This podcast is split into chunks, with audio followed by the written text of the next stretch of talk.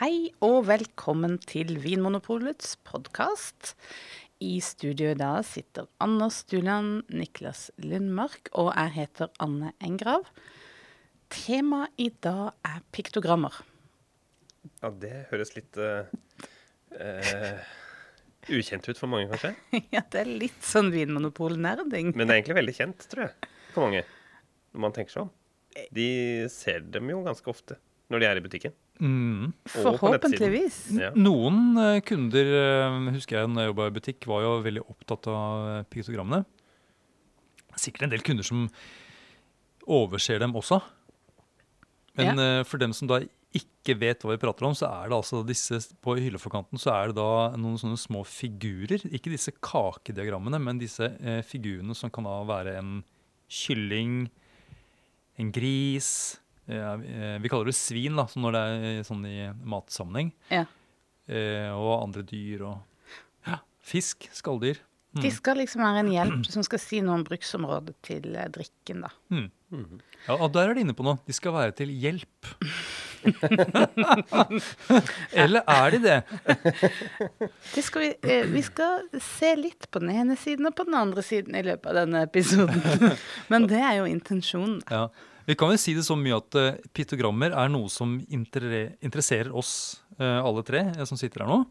ja, um, faktisk. Og du Anne, du jobber jo tett på piktogrammene. Piktogrammene er en del av livet mitt. Det har vært det de siste ti åra, egentlig. Mer enn det òg. Mm fordi jeg setter de annenhver måned, alle nyhetene som kommer på polet. Ja. Da har jeg gleden og æren, jeg er litt stolt av det, at jeg får den makta det er sette, velge ut tre symboler til hver vin av våre nyheter. Mm. Som da viser seg både på nettsida og på hylleforkanten, altså prislappen. Mm. Ja. Men det er jo bare en liten del av uh, sortimentet vårt òg, som du setter disse piktogrammene på. Ja, alle de varene som registreres direkte fra grossisten eller fra importøren, det setter de sjøl. Ja, så det som er i bestillingsutvalget hovedsakelig. Ja, faktisk. Ja, mm. Og bestillingsutvalget er jo kjempestort. Ja da. Det er jo eh, Jeg vet ikke sånn prosentandelen her, men det er det sånn 80% eller noe? Det er litt viktig at vi gjør denne presiseringa, for hvis ikke så kan vi risikere at jeg får en, en storm, som jeg regner med. En storm av klager eller synspunkter på alle Piktogram, Piktogramklager. Mm. ja, og da er jo spørsmålet mitt da Er det Er det noe du frykter, eller er det noe du ønsker? Ønsker du at uh, folk eller kunder skal uh, ta kontakt med med deg eller oss jeg, jeg, hvert fall ikke. Jeg syns jo, jo, det er litt smigrende hvis jobben jeg gjør, kan engasjere noen andre. Det har jo faktisk, dette piktogramgreien har jo faktisk blitt diskutert i sosiale medier med flere engasjerte deltakere. Mm. Det tenkte jeg på som eh, Det tok jeg som en liten sånn fjær i hatten. Å, jeg gjør en, jeg gjør en viktig jobb. jeg gjør en jobb som folk bryr seg om. Og da snakker vi om sånne nettforum der, eh, der sånn folk som er interessert i vin, eh, diskuterer. Ja. ja. Så det er jo mm. Men vi fikk ikke akkurat skryt. Nei, men altså All oppmerksomhet er god oppmerksomhet. ja. Men skal vi eh, eh, spole litt tilbake? Skal vi ta liksom en sånn eh, historie, eller, på en måte, eller hva er som Piktogrammets historie? Piktogrammets historie? Ja, det syns jeg. Ja. Og, og jeg har jo en veldig tydelig teori på hvorfor vi kaller det piktogram. Dette litt sånn litt uvanlige ordet, som like gjerne kunne vært symbol eller matsymbol eller noe sånt. Ja, ja. Dette handler vel om OL i 94. Som alt gjør på en eller annen måte, så handler alt ja, om OL i Lillehammer. Det, det, var litt uh, befriende at du sa det. for Jeg vi går gjennom prislistene helt tilbake fra 1905 for å se når piktogrammene kom. Og så nevnte du at eh, OL 94 kunne være en, en eh, faktor. Ja, for ja, da var det piktogrammer. Da var det piktogrammer. Det var da jeg lærte hva piktogram var. Da hadde man sånne runer som skulle illustrere hvilken idrettsgrein de, eh, de konkurrerte i. da. Mm. Om det var skiskyting, så var det lagd en rune for skiskyting. og sånn som de brukte. Rune, eller var det mer sånne, sånne helleristningskvinne eller mann? Å oh, ja. Å ja, det var det vel kanskje. Jeg tenkte at det var en rune, men det var jo en sånn mm, en helleristning. Bare for å presisere litt der. Stemmer det? Men, eh, men det, det var vel sånn at man hadde piktogrammet før OL Jeg 94? tror ikke det. Jeg tror Ja, ikke på det. he- helleristningens tid. Ja, og skal vi liksom dra det helt, helt tilbake sånn historisk, så har jo vi mennesker eh, holdt på med, med piktogrammer eh, lenge før Vinmonopolet oppsto, og lenge før Lillehammer, Lillehammer 94. Mm, nei, det syns jeg du skal bevise det Men sånn, når det gjelder eh, piktogrammer i Vinmonopolet, så dukket det opp da Og det gjorde det. Det dukket opp da etter eh, Lillehammer i 94. Alle skjønte at piktogrammer var greia da. Ja. Men det har, vi har ikke fått bekreftet fra eh, noen som jobbet i Vinmonopolet den gangen, at, eh, at de ble inspirert av eh, Lillehammer 94. Nei, det er en hypotese. Det kan jo være de ble eh, inspirert litt sånn underbevisst. Ja. Mm. Det er påfallende i hvert fall at det dukker da opp i prislistene i 1998. Så eh, fire år etter eh, Lillehammer-OL. Ja. Og en litt annen stil enn helleristning-stilen. ja, de ligner ganske mye på sånn vi har fremdeles. Ja. Eller nå har vi gjort en liten sånn eh, oppussing på dem, men, eh, men de hadde jo veldig mange av de samme. Men, men jeg ble jo liksom slått av når vi ser på de de hadde da, alle de aller første polpiktogrammene, at de var kanskje litt mer sånn offensive. De hadde bl.a. piktogram for orientalsk mat. ja, det hadde de. Uh, Og terrassevin. Ja, og grillmat. Og gryterett. Ja. Ja. Så de fulgte ikke helt det der stramme prinsippet om at det skal være en råvare. Nei, nettopp. Og så hadde de også et uh, symbol eller et pitogram uh, som var et sånt åttetall, sånn liggende åttetall, som da er, egentlig er jo et, uh, et symbol, et matematisk symbol for eh, altså uendelig. ja. Og det, og det tenker jeg, det er jo, det skiller seg sånn, altså sånn eh, Det er jo ikke et piktogram eller er det det, et piktogram? Det er jo ikke et bilde altså Det er et symbol. Det er vanskelig. Jeg klarer ikke helt å liksom skille mellom eh, tegn og piktogram. Det er Nei, kanskje det samme. Det er før og etter OL i 94. Ja. Men uansett, dette liggende åttetallet, det eh, symboliserte da buffé. Ja, eller koldtbord. Ja. Eller kold... Ja, det sto, sto det koldtbord? Koldtbord, ja. Det sto koldtbord, ja. Mm. Ja, det er veldig vittig. ja. Det er jo forløperen til tapas. Dagens tapas eh, het da Men hva er koldtbord. grunnen til at de hadde uendelighet? Er det fordi at man går og spiser i det uendelige? Ja, du kan Og det varieres i det uendelige, kanskje. Ja. Ja. Så til alt, egentlig. Ja, det er jo et, Og det- bør jo være et attraktivt ja. piktogram. Og det er, borte, det er borte nå. Det har vi jo ikke lenger. Konfirmasjon kunne jeg også kalt det. Ja, det kunne de. Men eh, ja. Og vi vet jo heller ikke hva slags arbeid som lå bak eh, dette utvalget av pytogrammer. Eh, men, men noen har diskutert eh, og kommet fram til eh, noen sånne retningslinjer, regner jeg med. Mm. Eh, og gjort at man har liksom endt opp med noen. Ja, jeg syns eh, jeg, jeg ler ikke av det i det hele tatt. Jeg syns det var en, eh, en god jobb de gjorde der. jeg. Jeg, forstår at de, de så behov for å få det inn i prislistene, for da var det jo ikke så mye diskpol. Så det, du kunne jo på en måte forklare piktogrammene litt sånn i forordet. Og du fikk jo en, eh, en rask sånn kjøpshjelp i, når du sitter og blar i denne her prislista. Sant. Fordi, men det å sette drikke til mat har jo vært viktig for Vinpolet lenge. Alltid. Alltid. Vil jeg, Ja. jeg vil rett og slett slå fast det. Ja.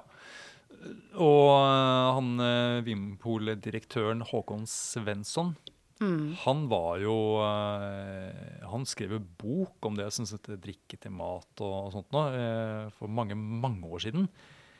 Ja. Og jeg vil jo også påpeke det at Schönberg Erken, som hadde denne liksom episke kokeboka, Mm. ba Vinmonopolet om hjelp i 1927 til å sette drikke til eh, de rettene hun lagde. Ja. Så når jeg liksom da spekulerer litt i hvorfor disse piktogrammene da dukker opp i 1998, så er det, det, det er den teorien om, eh, om OL i Lillehammer. Men eh, det må, jo, det må jo henge sammen med et behov også, tenker jeg. Kanskje. Um, og kan det ha noe med det at vinverdenen i løpet av 90-tallet utvidet seg veldig. Den gjorde det egentlig allerede på 80-tallet, men at da plutselig så sitter man der da med et vell av vinområder eh, og eh, ulike vinstiler. Før så hadde man kanskje disse klassiske vinområdene, og de hadde, de hadde liksom eh, vinfolk mer eller mindre liksom koll på hvor er det de eh, passer sånn i, til mat. Ja, det kan være. Ja. At uh, du hadde ikke bare Bordeaux og rinskvin, eller Ja. hva man kalte det. Så det var ikke noe sånn derre uh, matretter det passa til.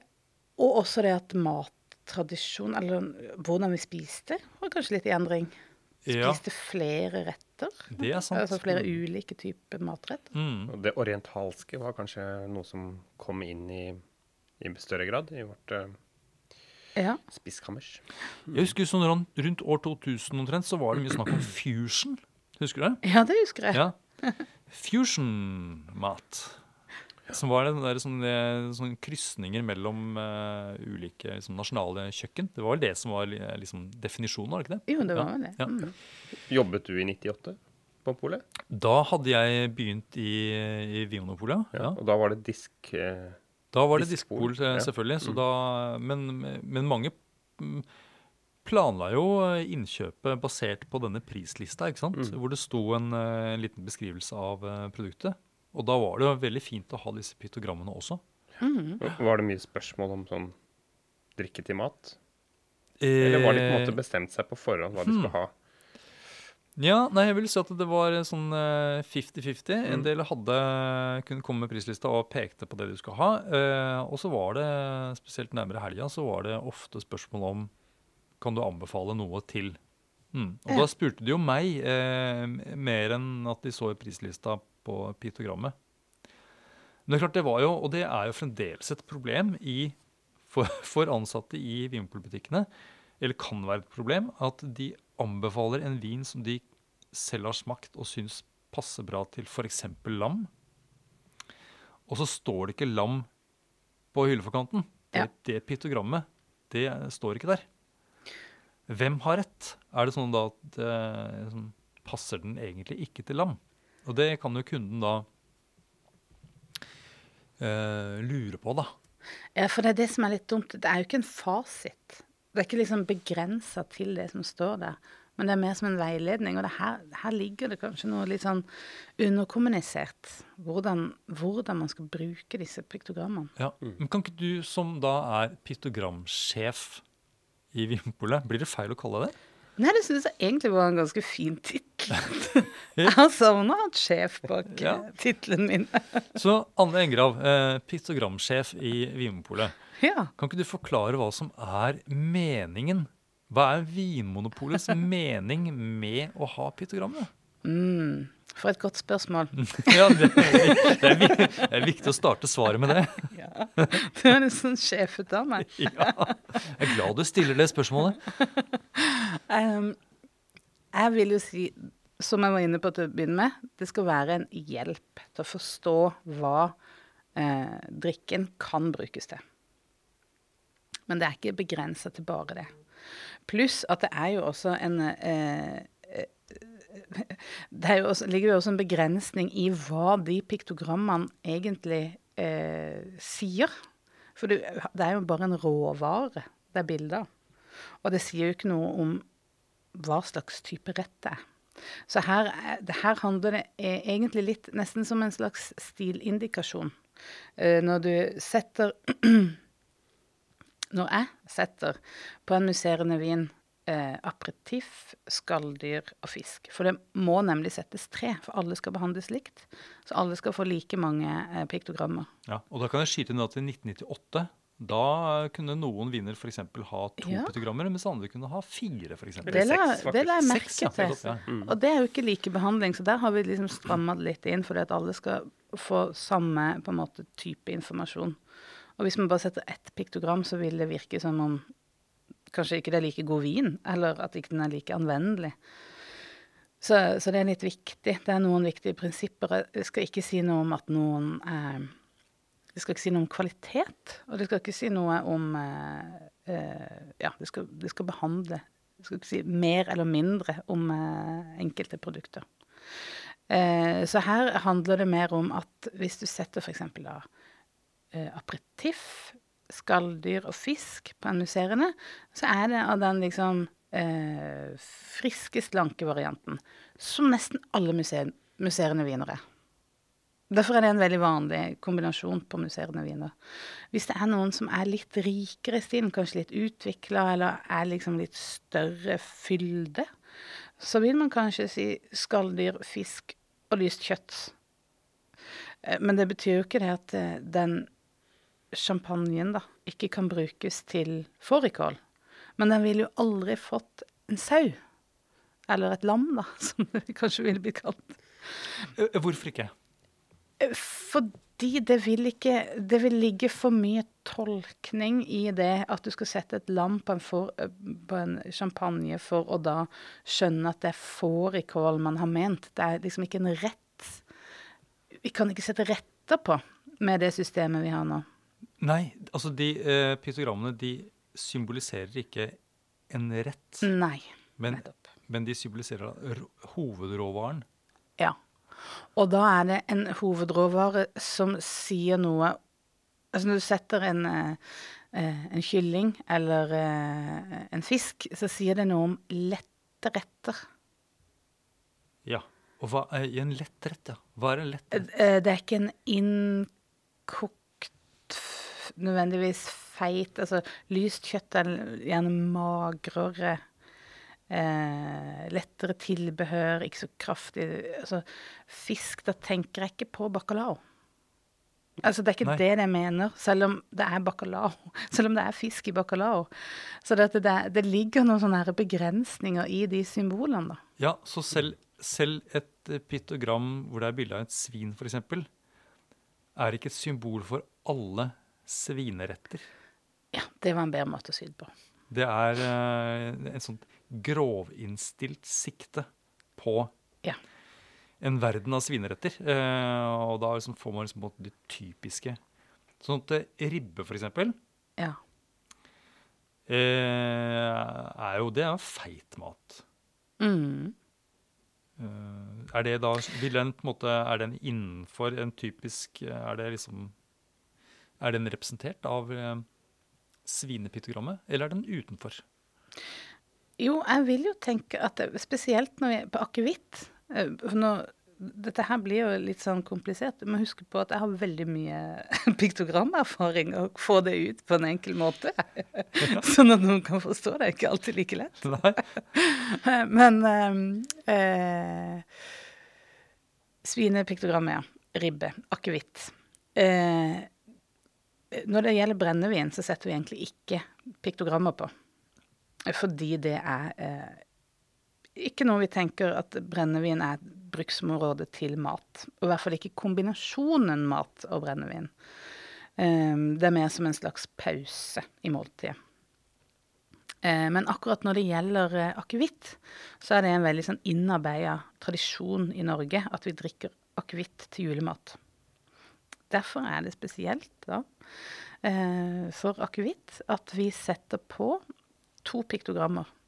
Og da setter vi på høres jo helt fjernt ut, men det er en slags logikk i det.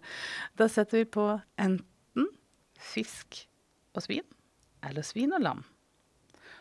Og i de tilfellene der så betyr det lutefisk, ribbe Nettopp. og pinnekjøtt. Så da må man da lese piktogrammene med litt sånn nissebriller. Ja. ja, men vi antar at når folk søker etter drikke til akevitt, Ja. for det ser vi jo skjer i juletider, at det er drikke til julemat de egentlig er ute etter. Eh, så da eh, er man på en måte ute etter fordi det er vår tradisjon, og fordi søket er, er størst da. Så da eh, tenker vi at da er det da leter de etter ribbeakevitten eller pinnekjøttakevitten. Da skulle vi få den hjelpa. Men vi, da måtte vi kutte ned til to. Hvis ikke så ville alle fått de samme piktogrammene. og da ville det ikke vært noe hjelp Nei, da er man like langt. Ja. Eh, men hvis man da er eh, nisse eller en vanlig kunde eh, rundt juletider og ønsker da en vin f.eks. til ribbe, Ja. hvordan skal du bruke, bruke piktogrammene da? Nei, du må bruke svin. For vin også? Ja, du må jo det. Men du vil jo se hva de jeg står i sammenheng med. Så du vil jo ikke bruke nødvendigvis eh, skalldyr, fisk og svin. Nei, nettopp! Du du må se på totalen her. Du må se på totalen. Du vil Ja. bruke eh, svin, okse, lam, for eksempel. Da har du en sånn stilindikasjon på at det er mot de sånn kraftigere, rikere rettene. Men er det mange hvitviner som har den piktogramkombinasjonen? Nå, nå, nå, nå, er, nå, er jeg, nå er jeg ekkel med deg, det, det vet jeg. eh, Men uh, Nei, men da må Ja. man bruke Jeg tror nesten ikke det er noen hvitviner som har lam, f.eks., som piktogram. Nei. Lam som piktogram er det 17 Mm. viner som har. jeg har smakt eh, Jeg syns ofte at det er godt med Men her er du inne på noe annet, Anders. Nå er du inne på noe annet. Fordi piktogrammene er ikke en total leverandør av mat- og drikkeinformasjon i Vinmonopolet. Dette er en førstehjelp. Så hvis du er ute etter eh, drikk til julemat, så jobber vi ganske hardt før jul med å både eh, gi god informasjon til folk i butikk. Folk i butikk har gjerne gjort seg sine egne erfaringer.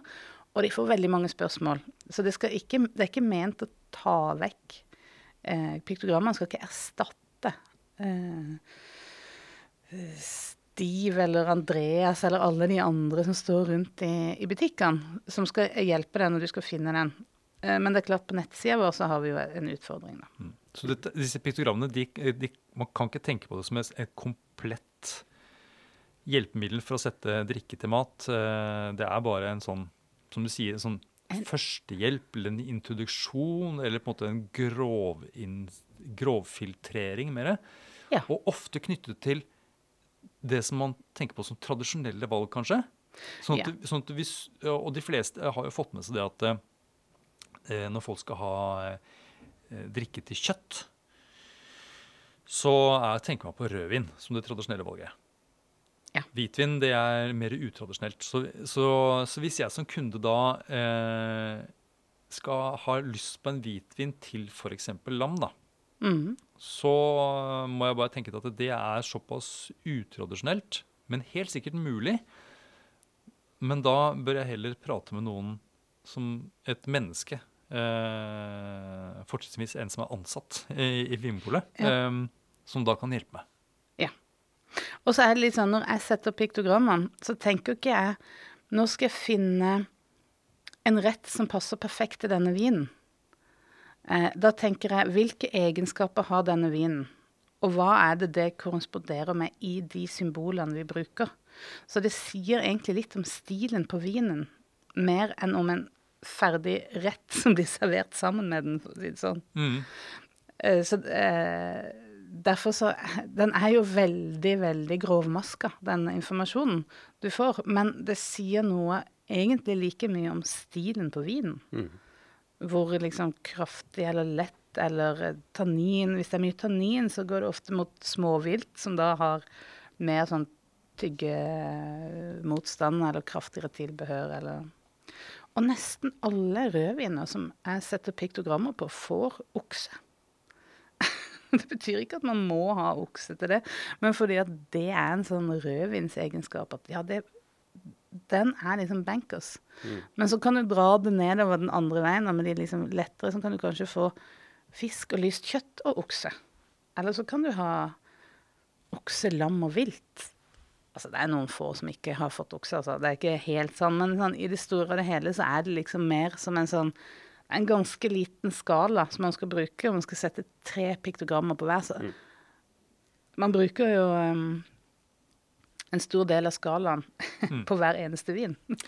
Men du er inne på noe der, altså, for når jeg jobbet i butikk også, så var det på en måte det jeg brukte piktogrammene på hylleforkanten også litt Man har jo ikke smakt alle vinene som er i butikken, uh, men man bruker det som en navigasjon da, på en litt stil. Eh, om det er f.eks. en pinot noir, som du nevner om. Har den fisk og kylling og okse, eller har den okse og lam og vilt? Det sier jo noe om hva slags stil er denne vinen i. Ja. Kan hjelpe deg med en retning, da. Eh, Men altså, når det er sagt, da Uh, uh, Nå har jeg hver eneste gang jeg setter piktogrammer, så kjenner jeg at det kanskje gir en form for At det ikke gir en rikt... At det, li- jeg villeder litt. Mm. Fordi at jeg, tror kanskje de blir oppfatta på en annen måte enn det jeg setter de som. Og at det er såpass grovt Eller sånn Det er så Det er så det er så lite nøyaktig at hva, hva slags form for hjelp gir det egentlig? Og hvordan vet jeg hvordan det blir oppfatta? For vi vet at alle kundegruppene våre, det har vi undersøkelser på, fra de som ikke kan og som egentlig ikke er så interessert, til de som er veldig interessert. Alle leser de piktogrammene. Og da lurer jeg på hva? Hva leser de? Ja, for, har vi gjort undersøkelser på det? Hva de, Hva de får ut av hva det? de får ut av det, eller hva de, eh, hvordan de bruker det, eller hvordan de forstår det? Det er vel at dette er en vin som passer til fisk. Det, det er jo Ja. ikke så mange andre måter. Ja, og, og, da- og da kan man jo i teorien eh, risikere det at eh, den ene kunden kommer inn og skal ha eh, en, eh, en sånn råmarinert eh, hvit fisk. Eh, den andre skal ha en bacalao, en klassisk norsk bacalao med Mhm. mye chili, f.eks. Som kanskje vil, man kanskje vil ha hatt forskjellige viner til, f.eks. Um, mm. men hadde Og det, jeg har hørt rykter om at eh, disse piktogrammene våre også representerer hva skal jeg si, en typisk rett. En typisk norsk rett med den råvaren. For eksempel eh, dette piktogrammet som er et reinsdyr. Det er et reinsdyr, ikke sant? Eller en elg. Er det ikke, er det ikke hjort? Eller hjort. Uansett, da. Et, et stort dyr med gevir. Eh, jeg, jeg kaller det reinsdyr. Eh, da er jo Da tenker jeg den typiske retten da er jo eh, reinsdyrsteik, f.eks. Med en sånn vilt, norsk viltsaus. Fløte med litt ein... Skal vi ta en pause? Skal vi ta en pause? Vi, vi prøver igjen, og så, og så lar vi det bare gå, eller? Den kommer jo bare sånn. sånn. Som en liten bzz bak. Ja, Ja. det kan vi gjøre. Ja, ja altså vi, la oss kalle det et reinsdyr. Men den typiske norske reinsdyrretten er jo da, vil jeg si, reinsdyrsteik med Jeg klarer ikke å være å le. Du blir sensurert. Ledelsen sender signaler. Gjør et siste forsøk. Ja. Ja. La oss, la oss si at det er et reinsdyr, da. Eh, og den typiske norske reinsdyrretten er jo da reinsdyrsteik med eh, som fløtesaus med einebær og litt brunost og, og sånt noe. Rosenkål. Eh, er, er det sånn det er? Kan man liksom Representerer egentlig disse piktogrammene en sånn de mest tradisjonelle rettene basert på ulike råvarer? ja, det er jo egentlig det. Spesielt når det gjelder vilt, for det er veldig ofte så er det jo litt sånn sødmefullt, kraftig tilbehør. Så ja, til det. Og, ehm, og egentlig til okse òg, for det er, ikke, det er ikke tatt høyde for eh, carpaccio.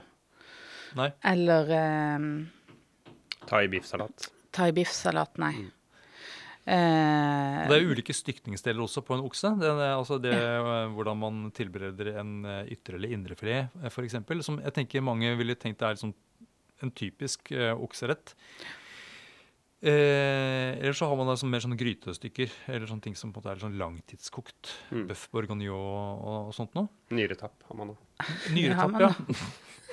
Og sammen med lam, så er det jo også eh, ofte retter som er på en måte litt sånn klassisk kjøttretter. da. Ja. Det er steik og lår og Lammesteik, ja. Skank? ja. Skank, ja. Det er ikke pinnekjøtt, for det er jo liksom noe vi er vanlig for oss, men det Ja. skiller seg jo litt ut i den sammenhengen der. Det Ja. gjør jo det. De, de rettene som skiller seg veldig mye ut, sånn som eksempel de med mye chili og tomat, eller eh, andre sånne ting som vi har identifisert som noe som er, har noe å si for drikkevalget, da. De blir ikke nødvendigvis fanga opp. Nei. Så det er også en måte å tenke da, som kunde at eh, hvis du skal lage en rett på f.eks. okse som ikke er en sånn vanlig eh, okserett, som ikke er litt sånn biffen, Så kan det også være lurt å Spørre om hjelp. spørre om hjelp. Ja, Ja. Mm. Det tenker jeg. Hva er den typiske kyllingretten, da? Nå er jeg, nå er jeg, nå, nå Ja, er det jeg er- vanskelig. Eh, Det er noe som er Altså, det er ikke en sånn uh, thai curry. Det er en, en rett Hvis du tenker deg en rett der du smaker tydelig kylling Så det kan jo for så vidt være en uh, Både med og uten saus, for å si det sånn. Men for at du skal kjenne tydelig kyllingsmak, så må det være et tilbehør som ikke er for kraftig. Ja, så igjen så er det kanskje da en sånn ovnstekt kylling med noen noe bakte grønnsaker og, og sånt noe. Mm. Ja. Og da er mitt oppfølgingsspørsmål som, hvor stor forskjell er det mellom eh, en svinesteik, ovnstekt kylling og eh, en ytrefilet av eh, elg eller en eh, okse? Nei, men de vil jo ofte få de samme piktogrammene. Ja. Så det er egentlig ikke Du tar egentlig ikke utgangspunkt i maten. Altså, jeg sitter ikke og finner en matrett til hver vin. Jeg sitter og så ser jeg på Er det, er det mye tannin, er det høy syre, er det eh, litt sånn rødlig fruktighet? Enten så er det på bakgrunn av det vi har smakt sjøl i, i um, nyhetssmakinger, eller på bakgrunn av de SPI-notatene, eller våre egne liksom, smaksnotater og struktur. Og så bruker det til å, få det inn i eh, en retning, da. Der du tenker at det er en stor sjanse for at det kan funke. Ja. Ja. Så eh, mot det liksom lysere og lettere strukturene eh, går det mot svin og kylling. Og eh, mørkere og kraftigere, da går det opp mot eh, vilt og Ja. Og ost er en veldig stor utfordring. Eh, fordi at Ja. ost er jo mye større variasjon enn en lammerett, f.eks. ja. Altså et lammesymbol og et ostesymbol. Det er veldig mye Ostesymbolet rommer veldig mye mer. Ja, for da, hva, skal man, hva skal man si, hva er den typiske Den typiske osten. Men når du har ost også, altså tenk på de som kommer og spør etter en vin til ost, så Ja. er det jo svært sjelden at det er snakk om én ost. Ja. Det er jo gjerne et ostefat med et kjempestort spekter.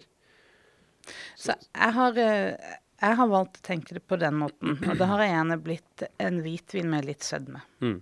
For ofte ost. Eller det er den vinstilen jeg bruker til ost. Men jeg har sett når det er øh, viner som kommer fra BU, bestillingsutvalget, da ser jeg ofte mange grossister tenker på at de har kanskje en idé om en lagra parmesan, at du velger sånn her litt sånn sødmefulle, rike rødviner og setter det på ost. Og da har jeg i noen tilfeller gått og endra det til at det blir mer sånn småviltsvin. Samtidig som jeg noen ganger har latt det stå, fordi at jeg tenker ja, men mm, vi har jo ikke spesifisert det. Nei. Så det kan jo være noen kunder som også går og ser etter de svære ost, røde eh, vinene til en sånn kraftig lagra fastost. Eh, så som dere skjønner, så er jeg jo veldig klar over manglene med dette systemet, og at det er noen huller her. Eh, mye rom for tolkning. det er veldig mye rom for tolkning, samtidig som det er veldig spesifikt. For man tenker sånn, ja, det er en vin til ost. Så er det både veldig spesifikt og veldig åpent. Ja. Jeg ser for meg at eh, de som jobbet med piktogrammene til eh, OL eh, på Lillehammer i 94, eh, de ville jo ikke vært fornøyd med et piktogram som eh, man liksom kunne forstå som Ja, det kan være både skiskyting og det kan være kunstløp. Generelt for ski. Snø. Snø. Jeg tror de hadde en helleristning for snø. Så nei, da var det veldig viktig at man endte opp på riktig, riktig sted, at ikke det var noe tvil. Ja. Um, um, litt mer, litt mer sånn jo- slingringsmonn. eh, Ja. eh, Og det er jo ikke en eksakt vitenskap heller. Nei, det å sette drikke til mat. Nei, og det, det må vi nesten bare ha som et utgangspunkt. at det er jo veldig, veldig komplisert i seg selv. Ja, eller Eh, ja. komplisert på den måten at det er ingen fasit. Nei. Så det er ikke, det fins ikke det riktige piktogrammet. Selv om vi skulle kaste alle vi har på dynga, så vil jeg våge på å det finnes ikke et riktig piktogram. Men er det eh, ehm, Nå har vi snakket litt om sånne svakheter med dette systemet. Er, det noe, er det på en måte noe du tenker, eller du Niklas, tenker vi mangler, eller vi kunne gjort på en annen måte? Ja, det jeg føler eh, mangler mest, er jo Altså, vi har jo endret spisevanene våre til å være litt mer internasjonale. Og du nevnte jo eh, kyllingcurry. Men en curry, om den inneholder kylling eller lam eller okse eller skalldyr, smaker jo det samme. Ja. Det smaker jo av, mm. av curry. Eh, hovedråvaren er egentlig ja, er ikke så viktig. Og, og til det med sånn sterk mat, taco, eh, sushi, uh, som jo kan variere veldig mye. Altså, der er det kanskje noe vi mangler Ja. i den, det systemet vi har i dag. At de er veldig kryddersterke eller veldig, øh, veldig sterke i maten. Da. Ja, også, også dette her med at vi, vi spiser i mindre grad øh, proteinet som som hovedrolle på tallerkenen. Altså det samme tilbehøret til alt. Det er mye mer sånn rette som er komplette, og som ikke er prega av liksom hovedproteinet. Og det fanges jo ikke opp i det hele tatt. Nei, så du tenker liksom at um, Tapas. før, før så kunne man liksom tenke at tallerkenen var på en måte besto av et sånt stort kjøttstykke, og så var det ikke så mye annet som kludra det til. Mm. Men nå er det så mange måter å sette sammen en rett som hvor dette kjøttstykket spiller en rolle, men det er liksom det er denne sausen som da f.eks. kan være denne curryen som du sier, eh, Niklas. Det trenger ikke å være vanskeligere enn en bearnés, egentlig. Ja. Altså, jeg syns jo ikke bearnés og rødvin er noen kjempehøydere.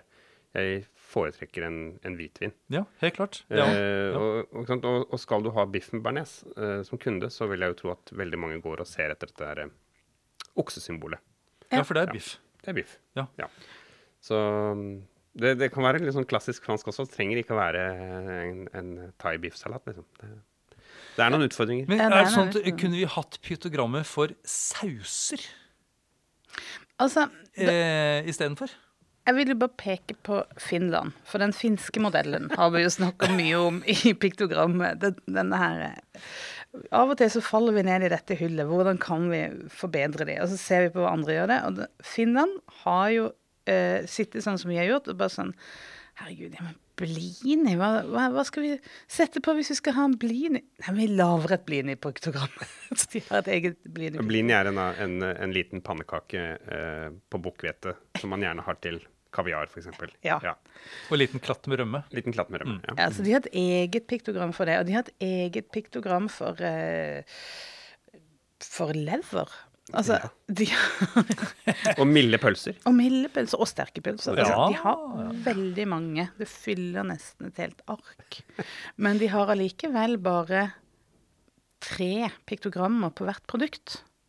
Og da tenker jeg her er det en svakhet ved det. For du får, veldig, du får gjort det veldig spesifikt at du kan leite fram levervin.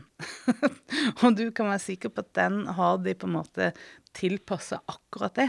Men eh, det vil jo miste veldig mange bruksområder på veien. da. Ja, fordi det eh, finnene da har gjort, er at de har pytogrammer for helt konkrete retter. Sånn som denne, denne blinien. Den, jeg tenker at En blini er ikke så mye forskjellig eh, selv i Finland. De spiser antageligvis mye blini. da. Det er en fest, eh, festrett, sikkert, siden de har et eget pytogram for den.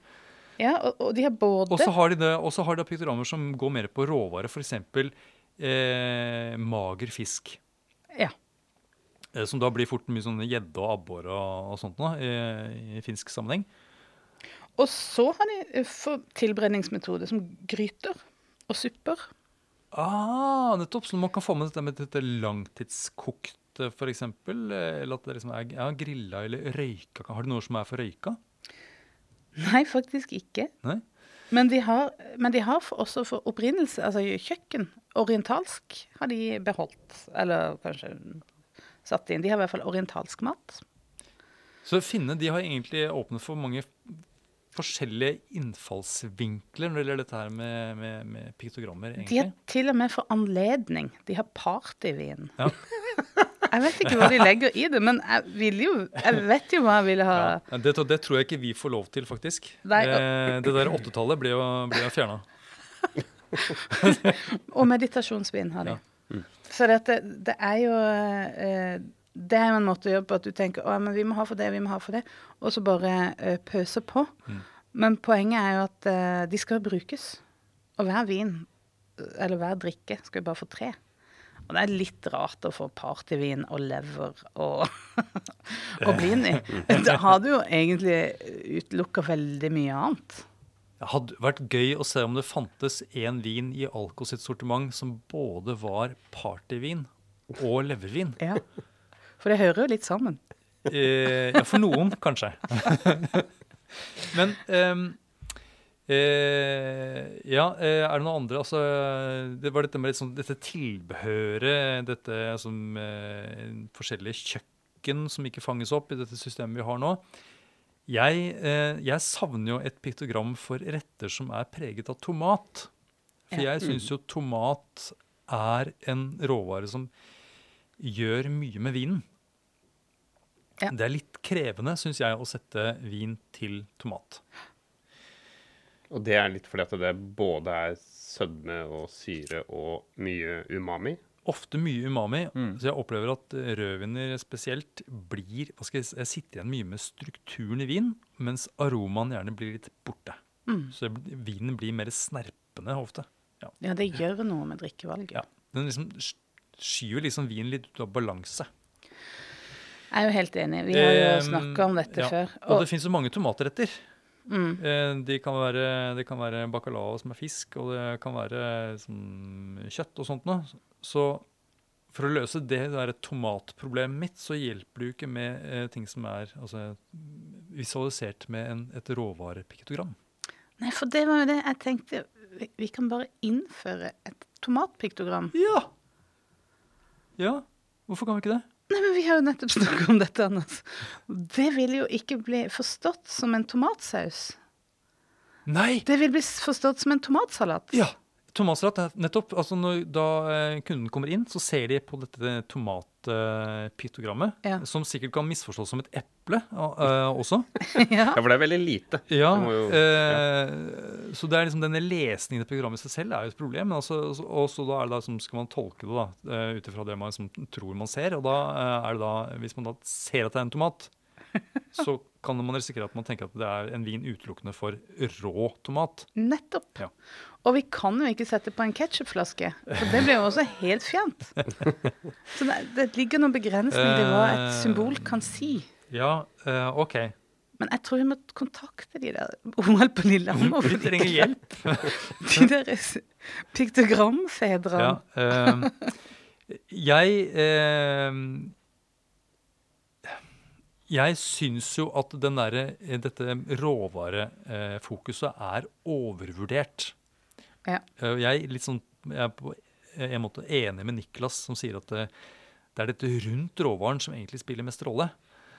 Og, og jeg lurer jo egentlig på hvor, som, hvor stor forskjell det egentlig er mellom eh, reinsdyr og okse og kylling og svin, f.eks. Er det sånn at disse, dette, denne paletten av pytogrammer som vi har, den, viser den egentlig forskjellene eller bredden i eh, den maten folk spiser? Enig. Og, vi, og viser den det på en tydelig og ordentlig godt gruppert måte? Nei, jeg tror du har rett. Jeg tror vi er inne på noe der. Og der ligger den der eh, dilemmaet mellom hva vi syns er riktig, og hvordan det blir brukt. Eh, men vi har jo gjort noe på det. I eh, var det høsten 2019 Stemmer. så vi en, arrangerte vi en smaking som alle butikkene, altså vinmonopolbutikkene i Norge, eh, var med på, som vi kaller Smakesmia, som er sånn to ganger i året, så har vi et sånn opplegg. Det, jeg må bare si at det involverer da i dette tilfellet 2600 ansatte. Det er som Så, et gigantisk smakspanel. Det er et fantastisk redskap, Ja, det er jo det. og, og det er gøy og lærerikt å være med på. Eh, og der skulle vi prøve å komme til bunns i piktogrammet. Piktogramgåta. Og vi, tok, vi zooma inn på ett piktogram. Vi tok for oss fisk. Og så tenkte vi nå uh, spenner vi opp hva kan det fisk være? Hvor forskjellig kan en fiskerett være? Uh, og det er ganske forskjellig. Vi endte opp med retten eh, trukket torsk med gulrøtter og sandefjordsmør. Og bacalao med chili. Og tomat. Ja, Ja. tomatsalat. Mm. Og begge eh, utgangspunktet for begge disse rettene er jo egentlig da torsk. Ja. Begge ville jo blitt be beskrevet med en fisk, Mm. hvis man leter etter piktogrammet. Ehm, og så eh, valgte vi, det visste ikke alle som var med på, eh, at vi valgte ut Vi smakte viner til bare sausen, bare fisken og bare gulrota. Og så valgte vi én vin som vi syns passer perfekt til hver av de elementene. Det var litt sånn forskjellige eh, viner. Det var blant annet en liksom fatlagra eh, chardonnay til eh, sausen, smørsausen. Det var en liksom ikke-aromatisk chablis til fisken, og det var en grüner veltliner til gulrota. Eh, og så var det eh, det klassiske rødvinsvalget som mange får spørsmål om, og som man ofte anbefaler, en litt sånn saftig, fruktig barbera. Samme til, samme til bacalaoen. Da valgte vi en um, sånn touch av flor. Eh, men det var jo en chardonnay, men det var en sånn nøtteprega chardonnay til, til den eh, fisken i bacalaoen. Tørka fisken. Eh, og så var det eh, Hva var det vi valgte? En alvarinho, var det Ja, ikke det? en litt sånn Til- moden alvarinho til, eh, til tomatsausen. Som Mm. var litt sånn, litt sånn Riesling alvarinho. Ja, Så den hadde litt frukt å by på. Den har litt frukt. Og så valgte vi en Riesling med litt sødme til, eh, til uh, chilien. Og så valgte vi en det klassiske valget, som var en rødvin fra Portugal. Eh, og så ba vi alle våre venner i butikk om å smake dette, og be de sette et piktogram til retten torsk. Hva som beskrev retten best. Og de kunne velge mellom smør, fisk eller gulrotpiktogrammet. Nettopp, De skulle smake retten, og så skulle de velge ett av disse tre piktogrammene som da skulle liksom, de mente representerte retten best mulig. Ja. Ja. Og det ble jo ikke fisk. Det ble jo smør. Det var smør sånn overveldende eh, tydelig. Ja, 70% av de som svarte, eh, mente at dette var en rett som En smørrett. kunne Ja, man kan, man kan kalle det en smørrett, ja. Ja. Eh, og 8% mente det var en gulrotrett. Det syns jeg også er litt overraskende. Men, Har du hatt mye gulrot på tallerkenen? eh, men eh, det kun 20% mente at dette var en rett som egentlig skulle symboliseres med fiskepiktogrammet. Ja. For den spilte egentlig ikke så stor rolle smaksmessig. Nei. Nei. Og det er jo interessant. Den gjør ikke så mye av seg på tallerkenen. Mm. Eh, enda mer interessant syns jeg var jo det at den eh, viste seg at drikkevalget eh, fordelte seg helt jevnt på de tre eh, vinene vi hadde valgt ut. De tre hvite vinene vi hadde valgt ut. Den røde kom ganske langt ned. Mens drikkevalget var sånn nesten helt identisk på alle tre. Ja. Så forskjellen i drikkevalget hadde ikke så mye å si. Retten i seg sjøl takler egentlig ganske mange veier inn. Men motsatt var det da med, eh, med bacalaoen. For igjen så var det helt tydelig at det var tomat som var det tydeligste, som var piktogrammet de fleste hadde satt. Ikke like mange som på, på fiskerett, altså den torske... Altså Smørretten. smørretten. Men det var jo altså da 45% som eh, mente at det var tomat som var det som dominerte retten. Mm. Eh, Mens eh, 30% mente fisk. Og da er det jo en annen type fisk enn fersk fisk. Det er jo en utvikla fisk, Mm. eller en lagra fisk. ja, fiskens svar på spekeskinke. Ja. Mm. Og 24% som mente at det var chili som dominerte. Ja, nettopp. Og det, ja, jeg syns jo dette er interessante resultater. Fordi mange ville jo som sagt at bacalao er en chilipreget rett, kanskje? Ja, det kommer litt an på hvor mye chili du har i det. Ja, det er klart. Og det vet vi jo Ja. ikke. Men flertallet her mente at det var først og fremst tomaten som var den viktige, altså det som preget retten mest. Ja, og Ja. alle brukte samme oppskrift på, så det er klart. Men altså, chilien kan jo være veldig ulik fra chili til chili. Ja. Og da hadde vi valgt ut en, eh, en, eh, Vinje Verde. Ja. En hvit Vinje Verde. Den er fryktig Ja, til tomatsausen. Og den var den som var klart mest foretrukket. Ah, ja. Så her hadde det noe å si, tenker Ja. jeg. Mens Her- det ikke var så viktig hvil- hvilken hvitvin som Nei. passet best i, til denne eh, Der var, det, der var det mer sånn åpent for uh, individuelle preferanser. Ja. Ja, det er jo litt pussig. Fordi man skulle tro liksom at det skulle være litt mer jevnt fordelt på bacalaoen også. Ja, men det kan jo være, som du sier, at tomat er en av de råvarene som faktisk har noe å si for drikkevalget. Ja. Men jeg tenker også at det er en annen viktig forskjell mellom disse to rettene. Og det er at den torskeretten, der er det på en måte tre elementer som er litt ulike, som man uh, samler i munnen. Du blander det først i munnen. Du blander det først, mens Ja. ja. bacalaoen er en sånn innkokt uh, gryte.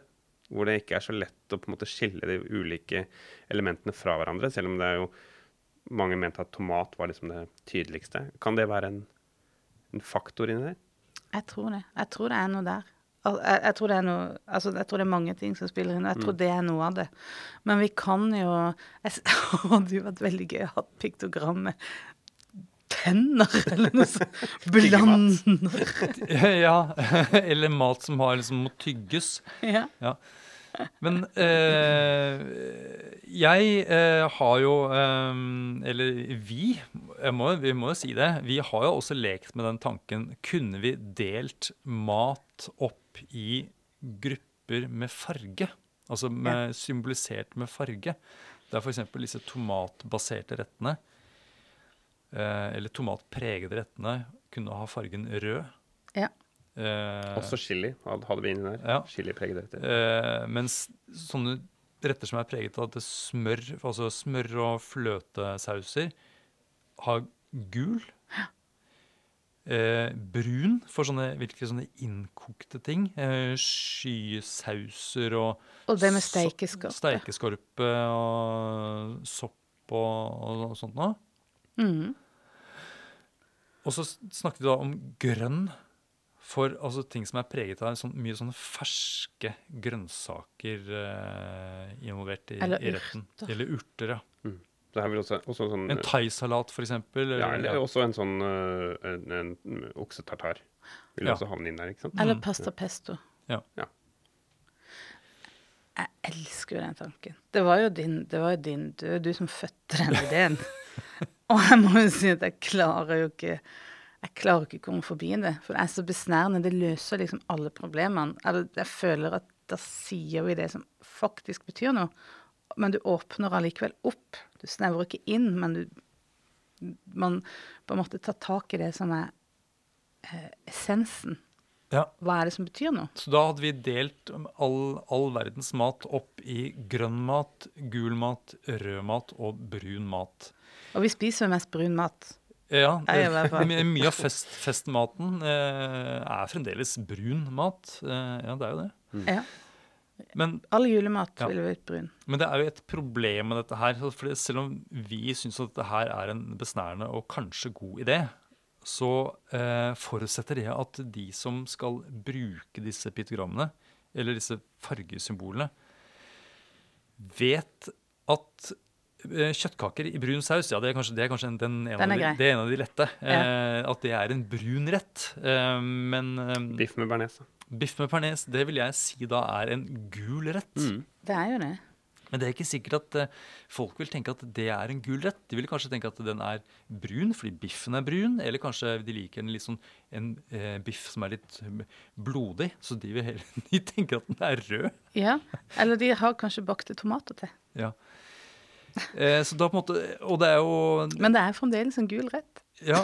Det er liksom det. Eh, så, så det er det at det, det har ingen eh, Det finner ingen klangbunn i liksom, samfunnet ellers. Da må vi liksom Da må vi, indok, da må vi måtte lære opp eh, andre. Det må inn i skolen. Det må inn i skolen, ja. Det må inn i barneskolen allerede. Man liksom, kan liksom uh, Så når, du- når du kommer inn på polet, så må du inn i et sånt avlukke og ta et sånt valg. som piktogramskole Ja. før du får lov til å gå videre. Ja. Ja.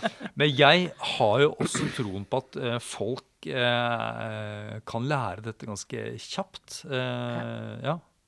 Vi kunne hatt noen sånne jeg vet ikke, altså Det å lage en sånn tabell med liksom de mest brukte rettene, og så bare ha liksom fargen ved siden av.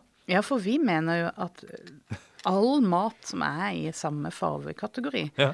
Kan man bruke som Er det gode drikkevalg til i samme gruppe? Ja. Vi kunne til og med ha på nettsiden vår så kunne vi hatt sånn at du på en måte eh, søker opp din rett, og så får du opp fargen. Og så kan Ja. du bruke det videre i å søke i på, på nettsiden, f.eks. Ja. Ja. Men jeg tenker det er veldig mye vi kan gjøre på nettsidene. Så har vi mulighet til å kunne kanskje finne sånne løsninger.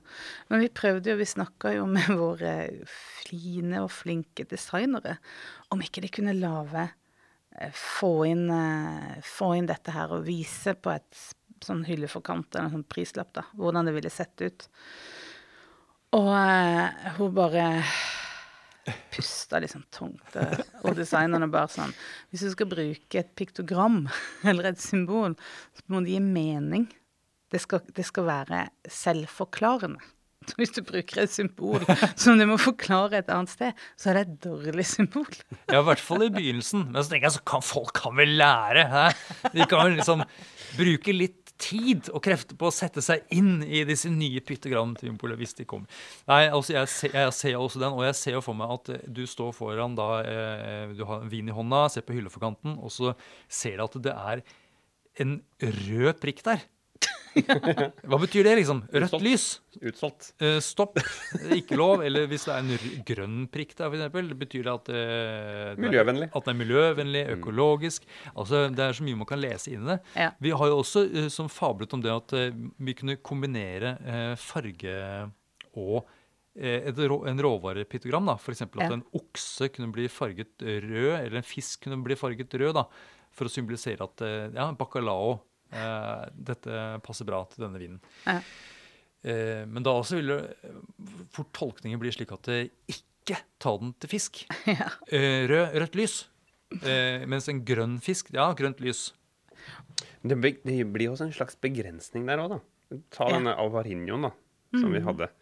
Som ja, passet til den røde fisken. Men det er også en type vin som ville kanskje passe til en, en grønn fisk. Altså en type en lett fiskerett med litt sånt ferskt tilbehør, f.eks. ja. Så- Eller seibiff med løk, Eller seibiff med løk. Som er jo- brun. Jo, man, kunne, man kunne kombinert det. Fisken kunne vært, på måte, halvparten kunne vært rød, og eh, halvparten kunne vært grønn, f.eks. Ja, den er veldig liten, den fisken, da, på den prislappen. Ja, så, og en litt dårlig printer, så Ja, ja, men det må være å kaste ut noen ideer her nå. Ja. Ja. Ja. Og, og, og så tenker jeg vi må prøve det begge veier. Vi må både tenke hvis jeg er ute etter en bacalao, hvordan finner jeg det vin på polet?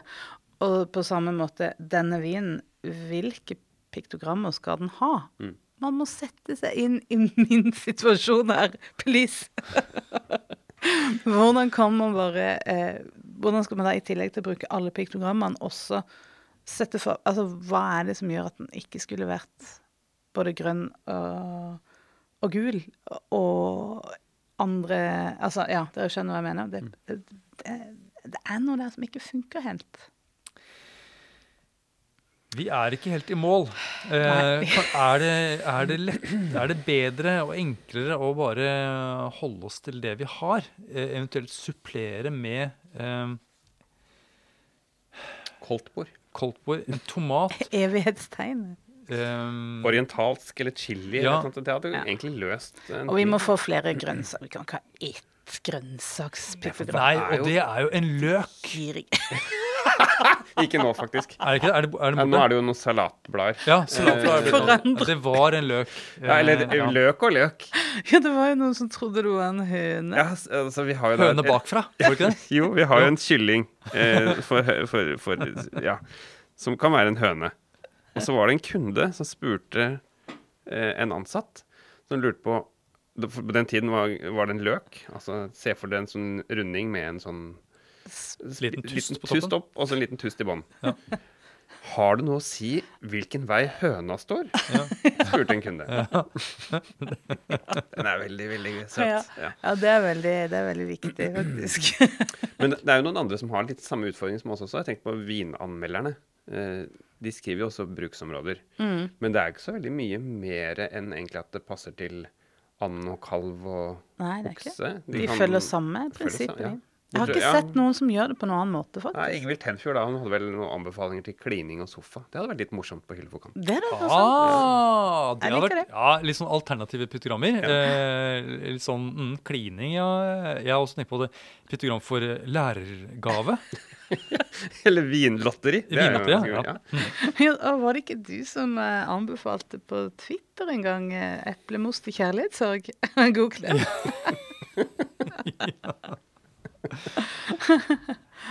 Eller Ja. bever. Det, det, det er alt, er det ikke? Evighetstegn. Nei, eh, vi blir ikke ferdig. Nei.